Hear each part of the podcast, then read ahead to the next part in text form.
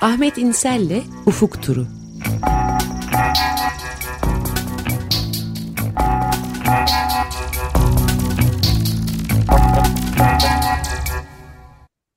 Günaydın Ahmet, merhabalar. Günaydın. Günaydın. Evet, bugünkü programa Ufuk Turuna istersen depremin yıl dönümüyle ilgili bir iki cümleyle başlayalım. Ondan sonra Ufuk Turunu yaparız bütün dünyada. Evet, bu e, Türkiye'deki e, son yüzyılda Türkiye'nin gördüğü en büyük e, birkaç depremden birisi e, ve gerçekten de çok geniş bir alana yayılmış bir deprem. Ve e, özellikle de e, çok ciddi biçimde e, ihmallerin olduğu yerel yönetim yönetim sorumlularının ama merkezi yönetim sorumlularının da aflarla e, bir dizi e, teşvikle e, göz göre göre büyük fay hatları üzerinde kurulmuş olan yoğun ve yüksek e, katlı yerleşimlerin izin verilmesi, teşvik edilmesi ve başta Cumhurbaşkanı olmak üzere teşvik edildiği bir e, suç e, şebekesi var ortada aslında. Maalesef e, buradan e, geçmiş depremlerden ders çıkarmayan ve sürekli e, birkaç yıl içinde bunları unutan bir e, haf toplumsal hafıza e, bu depremlerin olası depremlerin e, çok ağır insani bedel ödenmesini e, mümkün kılıyor maalesef. Bu konuda gazete Oksijen'de şöyle bir sayı vardı. Yani 53 bin kişi öldü, yüz binlerce bina yıkıldı. Açılan dava sayısı sadece 190'mış. Ve Evet. tek bir kamu görevlisi sanık sıfatıyla yer almış değil En diyor. önemlisi o. Hiçbir Evet. kamu görevlisine, hiçbir kamu görevlisine e, sanık sıfatıyla e, en azından e, sanık sıfatıyla e, en azından soruşturulmadı. E, İzmit e, depreminde biraz daha fazla sanki bazı kamu görevlilerine soruşturma açılmıştı diye hatırlıyorum ama yanlış hatırlayabilirim. Ben de hatırlamıyorum şimdi tam olarak Gölcük depremini E, ama e, şey mesela Gökhan Zan'ın söylediği çok önemli bir şey daha var.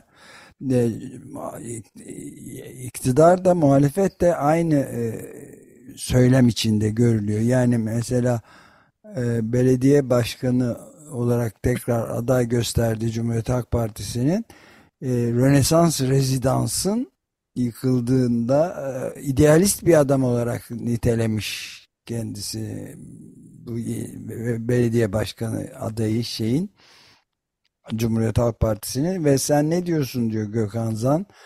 İki gün sonra enkaz altında çocuklarımız inim inim inlerken müteahhit yurt dışına kaçmaya çalışırken sen diyorsun ki belediye başkanı olarak idealist bir adam. Bu nedir ne demek diyor mesela yani.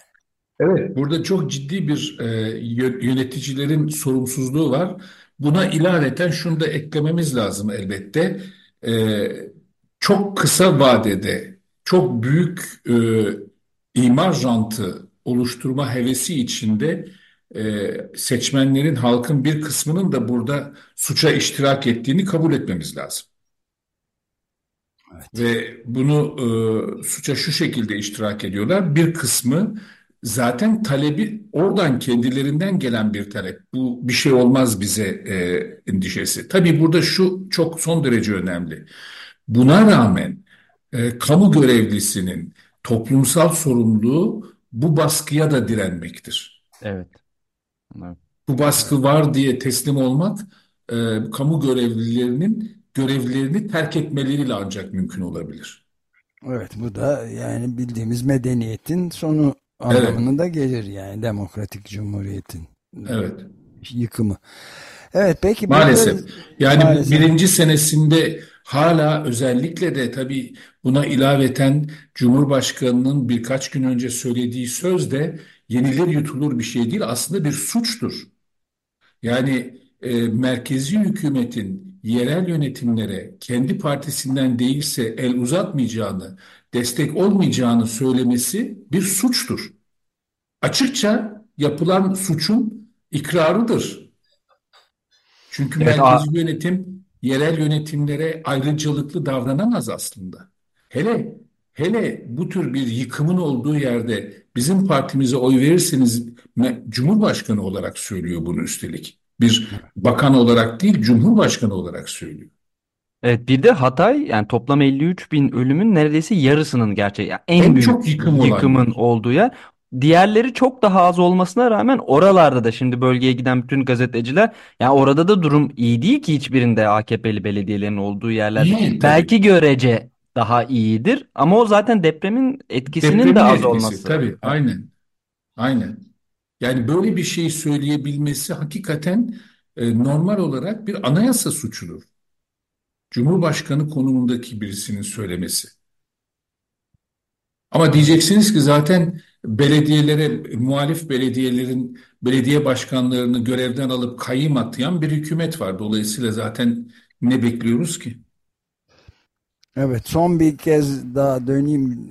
Bütün partilere seslenmiş Gökhan Zan. Hatay'da siyaset yapılacak bir mecra yoktur. Neyin siyasetini yapacaksınız? Allah aşkına söyleyin ya biriniz. Neyin siyasetini yapacağız? Ölmüşüz. Bir suya muhtacız, bir çadıra, bir bez, bez parçasına muhtaç kaldık. Bütün milletvekillerine, belediye başkanlarına, bütün partilere sesleniyorum. Tek vücut olma zamanı değil mi? Söz konusu Hatay'ın inşası değil mi? Al sana bir şans bütünleşsene. Kimseden talimat almayın, insanlığınızı gösterin. Yapamıyorsanız halktan bir özür dileyin. Yapamıyorum deyin, istifa edin diye konuşmuş. Evet. Evet, istifa edin diye konuşması son derece doğru. Tabii istifa edenin yerine kim geleceğini ayrı bir sorun. Evet. Evet, isterseniz Evet, şimdi şeye birazcık dünya yurt dışına biraz dışına gidelim. kafamızı kaldırıp yurt dışında dünyada olanlara bakalım. Ee, seçimlerle ilgili birkaç gelişme var, anlamlı gelişme var. Bir tanesi Senegal'de cumartesi günü Cumhurbaşkanı e, Macky Sall, Macky Sall e, 25 Şubat'ta yapılacak olan Cumhurbaşkanı seçimlerini e, bir e, belirsiz bir tarihe ertelediğini e, ilan etti Cumhurbaşkanlığı kararnamesiyle. Dün de Senegal Meclisi e, seçimlerin 15 Aralık 2024'te er, 24'e ertelenmesini e, öngören bir yasayı onayladı. E, 105 evet, bir hayır ama e, muhalefetin milletvekilleri oylamayı engellemek engellemeye çalış fiziken engellemeye çalışırken polis tarafından e, meclis dışına taşınmışlardı. E, muhalefet milletvekillerinin sayısal olarak bu yasayı engelleme imkanları yoktu zaten. E, e, Macky Sall e, ikinci ikinci e, seçim döneminin e, sonlarına yaklaşırken e, üçüncü defa seçilme arzusunu dile getirmişti ve birkaç ay boyunca Senegal'de e, geçen 2023'te bayağı ciddi toplumsal muhalefetin e, ayaklanması, çatışmalar e, gerçekleşmişti. Senin üçüncü kere aday olma e, anayasanın öngörmediği bir şekilde aday olma e, fikri karşısında en sonunda Macky Sall geçtiğimiz Temmuz ayında üçüncü kere aday olmayacağını ilan etti. Yeni Cumhurbaşkanı e, seçiminin e, tarihini tespit ettiler. 25 Şubat'ta yapılmasını öngördüler ve e, ama buna karşılık e, muhalefetin e, iki adayı e, bir e, Anayasa Mahkemesi tarafından adaylıkları iptal edildi. Muhalefetin birisi e, halkı, gençleri e, baştan çıkartmak e, suçundan, yolsuzluğa bulandırmak ve baştan çıkarmak suçundan esas muhalif olan e, Osman Son, e, Sorho iki yıl hapis cezasına çarptırılıp ekarte edilmişti. E, Anayasa Mahkemesi e, Macky desteklediği eski e, Cumhurbaşkanı'nın oğlu e, oğlunun e, da aday olmasını, Ka- Karim Valde'nin de aday olmasını engelleyince Anayasa Mahkemesi engelleme nedeni de Karim Valde'nin e, çifte vatandaşlığı olması, Senegal ve Fransız vatandaşı olması. E, Senegal e, yasası e, Cumhurbaşkanı'nın e, Senegal sadece Senegal vatandaşı olmasını öngörüyor. Karim Valde'nin de adaylığını engelledi. Halbuki Salim e, Macky Sall Karim Valde'yi destekliyordu e, kendisinin yerine gelmesi için. Bu durumda e, Anayasa Mahkemesi'nin iki üyesinin yolsuzluğa bulaştığı e, söylentileri ortaya çıktı. Meclis bunlar hakkında soruşturma açtı. Macky Sall de bu durumda Anayasa Mahkemesi ile e, meclis arasında büyük bir ihtilaf oluştuğu ve seçimlere gölge düşüreceği için seçimleri ertelediğini ilan etti. E, Senegal e, biliyorsunuz bağımsızlıktan bu yana e, hiç askeri darbe görmemiş e, ender bölgedeki ülkelerden biri galiba yegane ülke diyebiliriz Batı Afrika'da. Ama şimdi de anayasal bir darbe olduğunu söyleyenler var. evet yani bu bir anayasal darbe mi e, seçimler ta, tabii ki seçimlerin ertelenmesi e, ne karşı gösteriler pazar günü başlamıştı. Pazartesi günü de devam etti. Ama e, endişe edildiği kadar büyük e, gösteriler olmadı şimdilik. Seçimlerin e, yaz aylarında 6 ay sonra yapılmasını öngörüyordu meclis önceden. Fakat e, Ağustos ayında Senegal'de büyük yağmur mevsimi ve yollar tıkanıyor, evlere su basıyor. Dolayısıyla doğru dürüst seçim organize etmek mümkün olmadığı için kuru e, kurak mevsim olan yaz aylarına tekabül eden kurak mevsim olan Aralık ayına ertelendi yeniden seçimler. Ee, tabii Macky bu e, ertelemesi aynı zamanda kendisinin bir yıl daha iktidarda kalmayı uzatmak için yaptığı bir taktik olarak da e, değerlendiriliyor. Evet. Ee, bu arada bölgede e, Senegal ile konuşurken Batı Afrika'da e, önemli gelişmeler var. E, üç tane ülke son üç yılda askeri darbeyle yönetilen e, juntalar tarafından yönetilen üç ülke yani Mali, Burkina Faso ve Nijer e, bundan e, birkaç hafta önce Batı Afrika Devletleri İktisadi Topluluğundan 1949 49 yıl önce kurulan bu iktisadi topluluktan ayrıldıklarını ilan ettiler. 15 üyeli bu topluluktan ayrıldıklarını ilan ettiler. Çünkü Batı Afrika Devletleri İktisadi Topluluğu darbe yapan bu ülk, üç ülkeye iktisadi yaptırım kararı almıştı. Ee, ve e, ama buna karşılık bu üç ülke Mali, Burkina Faso ve Nijer e, 8 ülkenin üye olduğu e, Fransız e, eski Fransız sömürgesi döneminden kalma bir para biriminin bağımsız ortak para birimine dönüştüğü Batı Afrika Ekonomik ve Parasal Birliği'nden çıkmadılar. Bir ortak para e, birimidir bu. Afrika Birliği, Afrika Ülkeleri Toplulukları Birliği frankı adını taşıyan bir ortak parayı kullanırlar. E, bundan çıkmadılar. Dolayısıyla geri kalan 5 ülke yani bu ortak para biriminde olan 5 ülke ile malların ve kişilerin e, serbest dolaşımı devam ediyor bu e, Mali, Burkina Faso ve Nijer'in diğer 5 ülkeyle. Onlar da 5 ülkeyi de sayayım isterseniz. Benin, Fil Dişi Kıyısı, Gine-Bissau, Senegal ve Togo. Ama geri kalan Batı Afrika ülkeleriyle e, şu anda e, işbirliğinin ve serbest ticaretin ve serbest dolaşımın e, askıya alınmış e, olması ihtimali var. Çıkmak için bir yıl süreleri var. Tam e, çıkma kararının gerçekleşmesi ve buna uygun yeni düzenin oluşması için bir yıllık bir geçiş dönemi var. Bu bir geçiş döneminde neler olacağını bilmiyoruz ama buradan hareketle şunu söylemek lazım. Ee, aslında bu sadece bir e, askeri darbeye karşı diğer bölge ülkelerin devletlerinin karşı çıkmasına tepki olmaktan çok öteye bir jeostratejik yarılmanın ifadesi.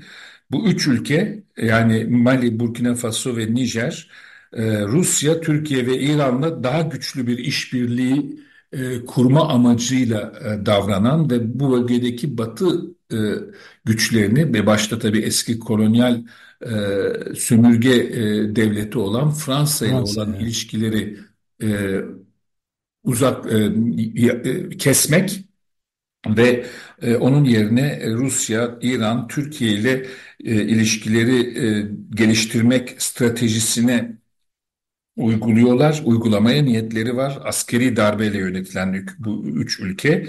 E, diğer geri kalan e, ülkeler ise Batı ile daha yakın ilişki içindeler. Dolayısıyla 2012'den beri, 2012 yılından beri bölgede özellikle Libya'ya karşı yapılan müdahalenin yarattığı büyük kırılma dalgası, güvensizlik dalgası ve bölgede giderek yayılan çeteleşme, İslami devletin örgütünün uzantıları, El-Kaide'nin uzantıları, e, bölgesel e, bölgeci çetelerin veya ayrılıkçı örgütlerin giderek güçlenmesi, bütün bunlar 2012'den e, beri başlayan çok ciddi güvenlik krizlerinin bir sonucu aynı zamanda ve tabii ki bölgedeki müttefik Batı güçlerinin bu krizleri yönet bastırmakta veya engellemekte devletlere destek olamamasının da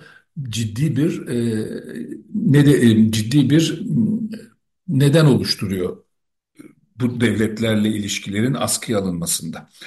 Çok ciddi önümüzdeki dönemde bir e, geostratejik çatışma alanı haline dönmesi halen zaten öyle ama giderek yayılarak dönmesi ve dediğim gibi Batı dünyasıyla Batı dünyasının karşısında oluşan e, e, güç merkezlerinin İran'ın, Türkiye'nin, e, Rusya'nın askeri olarak, Çin'in iktisadi olarak Batı ülkesi, Batı dünyası güçleriyle ciddi bir çatışma alanı e, haline dönüşmesi e, veya bunun derinleşmesi e, ihtimal dahilindeki önümüzdeki dönemde Batı Afrika'da. Evet Ahmet yani resmen bu anlattıkların tablodan bir Louis Buñuel'in filmini seyrediyormuşum gibi bir hisse kapıldım. Yani sürrealist bir film evet. ancak bu şekilde olabilirdi. Maalesef. Para, evet maalesef. Seçimlerle devam edersek e, Azerbaycan'da yarın e, Cumhurbaşkanı seçimleri yapılacak. E, normal olarak Ekim 25 Ekim 2025'te yapılması gereken seçimleri e, Dağlık Karabağ'ı yeniden e, ilhak etmekle etmenin hemen arkasından İlham Aliyev seçimleri erkene aldı ve bunu bir e, e, muhalefeti e, etkisiz bırakacak bir fırsat olarak değerlendirmek istiyor. E, bu seçimlere e, iki belli başlı muhalefet partisi, e, Musavat Partiyası ve Azerbaycan Halk Cephesi Partiyası katılmayı reddettiler, boykot ediyorlar seçimleri. Ee, Cumhurbaşkanı İlhan Aliyev 2023'ten beri Cumhurbaşkanlığını ard arda devam ettiriyor. En son 2018 seçimlerinde oyların %86'sını aldığı ilan edilmişti. Ee, bir ara 2019'da e, yerine e, bir sonraki Cumhurbaşkanı olarak yerine e, Cumhurbaşkanı yardımcısı olan karısı Mihriban Aliyev'i getirmeyi e, gündeme getirdi ama e, sonra bundan vazgeçildi ve e, Haydar e, Haydar Aliyev'in oğlu İlhan Aliyev e, önümüzdeki e, yarın yapılacak seçimlerde herhalde hiçbir sürprize uğramadan seçimleri kazanacak. Esas mecliste çoğunluğu e, partisinin Yeni Azerbaycan Partisi'nin çoğunluğu elde etmesi ne esas e, önem veriyor ama e, Musavat Partisi ve e, Halk Cephesi seçimlere eğer milletvekili seçimlerine katılmıyorlarsa zaten burada otomatik olarak bir çoğunluk sağlayacak demektir. Salvador'da da seçimler yapıldı. Orası ilginç bir gelişmeye e, şahit oluyor. E, bundan e, 4 yıl önce e, seçilen Salvador şehri belediye başkanı Nayib Bukele 42 ee, yaşında şu anda. Dolayısıyla 38 yaşında seçilmiş genç bir e, başkandı ve e, o e, pazar günü yapılan seçimlerden oyların yüzde 85'inden daha fazlasını e, alarak yeniden seçildiğini ilan etti. E, seçim sonuçlarının yüzde 87 olması bekleniyor e, gözlemcilere göre ve e, Yeni Fikirler Partisi kendisinin e, kurduğu Yeni Fikirler Partisi'nin de meclisteki 60 milletvekilinin 58'ini kazandığını e, ilan etti. E, Bükele çok dik, e, bütün bölgedeki otoriter e, yöneticilerin veyahut çok ciddi güvensizlik sorunları yaşayan şiddet e, çeteler, e, uyuşturucu, mafya çetelerinin e, hüküm sürdüğü ülkelerde dikkatle izlenen bir politikası var. Çünkü e, iktidara geldikten sonra bu çetelerle mücadele sözü vermiş fakat bunda pek ilerleyememişti. Salvador e, dünyada çetelerin hakim olduğu en büyük, e, e, en, en fazla çetelerin hakim olduğu bölgenin en küçük ülkesi. E, 2000 e, Mart 2022'de e, başlatılan bir acil durum e, ilanı ve niçin Mart 2022'de başlatıldı? Çünkü 27 Mart 2022'de günlük ölüm sayısında artık olmayacak bir rakam. 87 kişinin bir günde çatışmalarda, çeşitli şehirlerdeki çatışmalarda veya cinayet, doğrudan cinayetlerde ölmesinin ardından bu çeteler arası çatışmalar veya çetelerin e, rüşvet almak üzere e, yöneldiği kişilere yönelik e, cinayetler. Bu neredeyse Gazze'ye yakın. Gazze'de öldürülenlerin sayısını. Gün gününde evet 87 kişi. E, acil durum ilan etti. Acil durum ilan edince tabii bütün temel hak ve özgürlüklerin askıya alınması, e, ordunun e, sorgusuz sualsiz insanları tutuklaması imkanı doğurdu ve e, bir yıl zarfında 70 bin kişi tutuklandı. 70 bin kişi e, e, Salvador nüfusunun yüzde bir buçuğuna tekabül ediyor. Türkiye ile hesaplarsanız ne olduğunu görürsünüz. Yüzde bir buçuk. Dünyada şu anda e, hapishanedeki nüfus e, oranı itibariyle birinci sırada Salvador. Evet çok Tabii bu otoriterleşme aynı zamanda çok büyük bir otoriterleşme getirdi. Çünkü bütün yetkiler kendisinin elinde ama diğer taraftan şunu da herkes e, kabul ediyor. Bu 70 bin kişinin 75 bin hatta kişinin tutuklanan 75 kişinin 7 bini serbest bırakılmış. Geri kalan takriben 70 bin kişi 68-70 bin kişi halen hapiste. Ve e, uluslararası STK'ların da tespit ettiği bir şey 2019'da bu çeteler arası veya çetelerin neden olduğu cinayetlerden ölen insan sayısı 2019'da 800 iken 2023 yılında bu sayı 57'ye düşmüş.